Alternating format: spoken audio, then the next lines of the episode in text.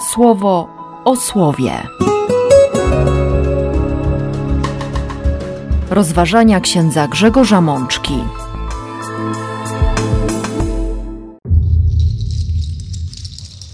Osiemnasta niedziela zwykła, rok C. Z księgi Kocheleta. Marność nad marnościami, powiedział Kochelet. Marność nad marnościami, wszystko marność. Z Psalmu 90. Już od samego rana chcemy być syceni Twoją łaskawością. Chcemy się cieszyć i radować przez wszystkie dni nasze. Z listu świętego Pawła do Kolosan. O tym, co u góry myślcie, nie o tym, co na ziemi. Z Ewangelii według świętego Łukasza. A Bóg mu powiedział: O bezmyślny, dzisiejszej nocy zażądają Twojej duszy od Ciebie. I czyje będzie, coś przygotował. Siostry i bracia, i znów spotykamy się na słuchaniu słowa, żeby przygotować serce do niedzielnej Eucharystii, żeby usłyszeć Boga, który przychodzi na spotkanie, który się nigdy nie spóźni, który jest przygotowany, by nam błogosławić.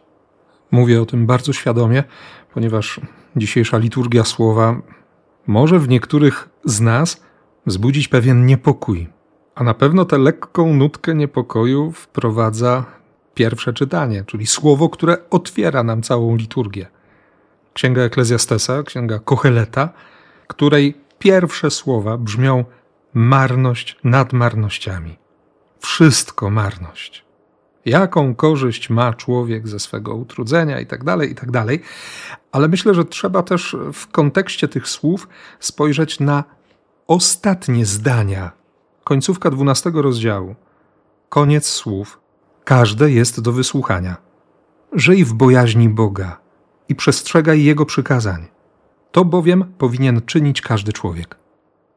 Wszystkie wewnętrzne dylematy, o których pisze Kochelet, który mówi o tym wyścigu szczurów, o przywiązywaniu wagi do rzeczy naprawdę nieistotnych, o tym szaleństwie, w jakim trwa świat.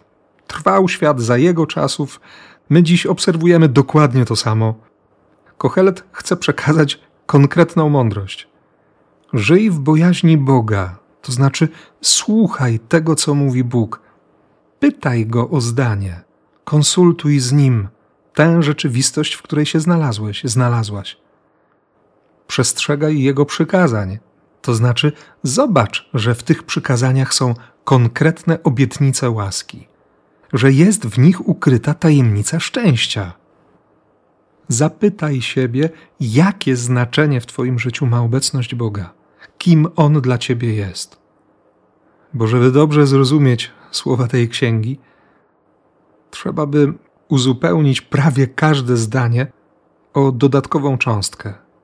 Jeśli nie masz oparcia w Bogu, to marność nad marnościami, wszystko jest marnością.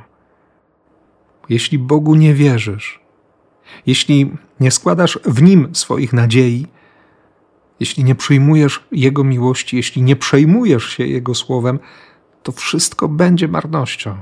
Wszystko stracisz. Nic nie zostanie. Ostatecznie nic nie zostanie. O tym powie nam bardzo mocno Jezus w Ewangelii, ale zanim do niej dotrzemy, to mamy po drodze jeszcze dwa teksty, które chcą nas przygotować do tego najważniejszego słowa. Pierwszym z nich, czyli drugim w kolejności naszego słuchania liturgicznego, jest Psalm 90. Autor tego psalmu napisze w dedykacji, że jest to modlitwa Mojżesza, który był mężem Bożym. I cały tekst psalmu wydaje się być podporządkowany właśnie tej myśli, że, że jesteśmy tak bardzo krusi, tak bardzo słabi, że marniejemy. Być może autor natchniony miał na myśli te rozdarcia i rozterki wewnętrzne Mojżesza, który widział niewierność Izraela. Doświadczał nieustannie powracających zwątpień narodu wybranego. A z drugiej strony miał przekonanie, miał doświadczenie ogromnej Bożej troski i nieustannego poszukiwania przez Boga sposobu, by, by przekonać tych ludzi wyprowadzonych z niewoli, że, że zło jest złe, że Egipt nie jest im potrzebny, że mają przed sobą nowe życie, owszem, jeszcze nieznane. Ale przecież to, co nieznane, wcale nie musi być nieboże. Może dlatego z ust autora natchnionego lub Mojżesza też wydobywała się ta modlitwa, którą podaje nam czternasty werset psalmu. Już od samego rana chcemy być syceni Twoją łaskawością, chcemy się cieszyć i radować przez wszystkie dni nasze. Niechby napełniło nas szczęście. Wiemy, że tylko Ty możesz zaspokoić nasze głody. Od razu przypomina się słowo świętego Augustyna, biskupa Hipony, który napisze: Stworzyłeś nas, Boże, dla siebie i niespokojne jest nasze serce, dopóki nie spocznie w Tobie. Ten ciągły wewnętrzny niepokój, lęki, obawy, nienasycenie, niespełnienie, nieustanne poszukiwanie czegoś lub kogoś, to pragnienie dotarcia do celu, zaspokojenia naszych tęsknot, spełnienia ich Ile w nas, ile w naszym wnętrzu takich wewnętrznych targnięć, może i trzęsień ziemi, przeżywania rozmaitych kataklizmów, rozczarowań, bo ktoś zawiódł, bo ktoś, nie daj Boże, zdradził, bo sami nie okazaliśmy się takimi, jakimi chcielibyśmy być. Niespokojne jest nasze serce, dopóki nie spocznie w Tobie, Boże. Dlatego święty Paweł z taką odwagą i konsekwencją jednocześnie napisze do chrześcijan mieszkających w kolosach: Jeśli zatem z martwych wstaliście z Chrystusem, dążcie do tego, co u góry, tam gdzie Chrystus siedzi po prawicy Ojca. O tym, co u góry myślcie, nie o tym, co na ziemi. Nowy przekład dynamiczny tłumaczy te słowa świętego Pawła w następujący sposób. Ale wy, jeśli rzeczywiście zostaliście w Chrystusie podniesieni do nowego życia, dążcie świadomie do tego, co jest w górze, do tej lepszej i wyższej rzeczywistości, w której Chrystus zasiada w pełni chwały i potęgi boskiego majestatu. Koncentrujcie się na tym, co jest w niebiosach, a nie na tym, co na ziemi. Bo przecież w Jezusie zdecydowaliście się być martwymi dla spraw tego świata, a wasz nowy rodzaj życia wraz z Chrystusem w szczególny sposób został związany z Bogiem. I pamiętajcie, że w nowości stworzenia, w nowej naturze liczy się tylko to, czy Chrystus jest wszystkim w każdym z nas. Święty Paweł odwołuje się tutaj do myśli obecnej w pierwotnym kościele, którą można ująć w taki sposób: Twój brat w Chrystusie jest w duchowym sensie żywym Chrystusem, który mieszka w Twoim bracie. Dlatego w chrześcijanach, w pierwszym kościele, było bardzo żywe przekonanie, że po każdej Eucharystii, czyli w tym momencie, w którym przeżyłeś, przeżyłaś doświadczenie jedności z Bogiem, bo przyjąłeś czy przyjęłaś komunię świętą, wtedy właśnie jesteś żywą monstrancją, jesteś tabernakulum, jesteś mieszkaniem Boga. Twoje ciało jest ciałem Chrystusa, w Twoich żyłach płynie Jego krew. W Jezusie zdecydowaliście się być martwymi dla spraw tego świata. Chodzi o sposób myślenia, który jest obecny w świecie. Myślenia nastawionego na egoizm, na ciągłe zdobywanie dla siebie. Myślenia, które w trywialny, ale też bardzo brutalny i bolesny sposób próbuje nas przekonać do tego, że jesteśmy pępkiem świata, a nawet wszechświata. Że najważniejsze jest to, co moje Dlatego właśnie w dzisiejszej Ewangelii Jezus w bardzo radykalny, mocny, może nawet trochę przejaskrawiony sposób rozwija odpowiedź na prośbę skierowaną przez kogoś z tłumu. Nauczycielu, poleć mojemu bratu, by podzielił się ze mną swoim dziedzictwem. Kleronomia, dziedziczenie gruntów, jakiejś ziemi. Prawdopodobnie ten człowiek nie został uwzględniony w testamencie, albo Miał to nieszczęście urodzić się drugim czy trzecim z kolei. A może po prostu został bardzo niesprawiedliwie potraktowany przez swojego starszego brata. Dobrze wiemy, że, że takie rzeczy wciąż się dzieją. I okazuje się, że ta miłość rodzinna i więzy rodzinne nagle znajdują się na wokandzie sądowej. I tam doświadczają bardzo mocnej próby.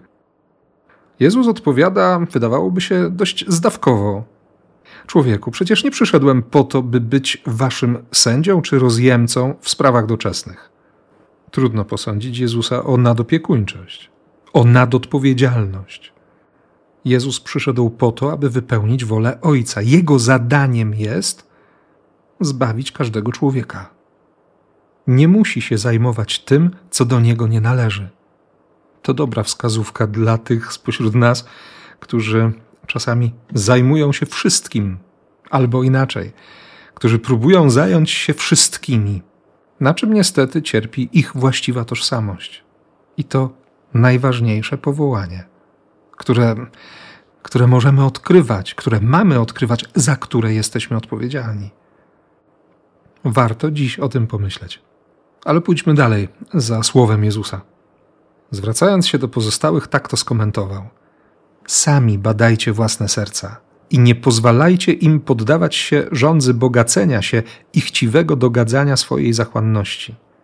Zrozumcie, że powodzenie materialne wcale nie jest znakiem kroczenia po drodze do prawdziwego i odwiecznego życia. To życie bowiem nie zależy od ilości zgromadzonego majątku, choćby nawet był wielki. Być może Jezus, patrząc na tych, którzy byli blisko Niego, widział ich niezrozumienie. Czuł, że zderza się z bardzo poważnym murem, bo, bo przecież każdy z nas chce mieć. Gromadzimy, kolekcjonujemy, mamy, posiadamy na własność i dobra materialne, i dobra duchowe, i relacje, i znajomości. Wystarczy spojrzeć w przestrzeń internetów i widać ten głód, widać ten pęd, by mieć więcej, więcej, więcej, więcej znajomych, więcej polubień, więcej wszystkiego. To błędne koło. Kiedy mamy trochę, chcemy więcej.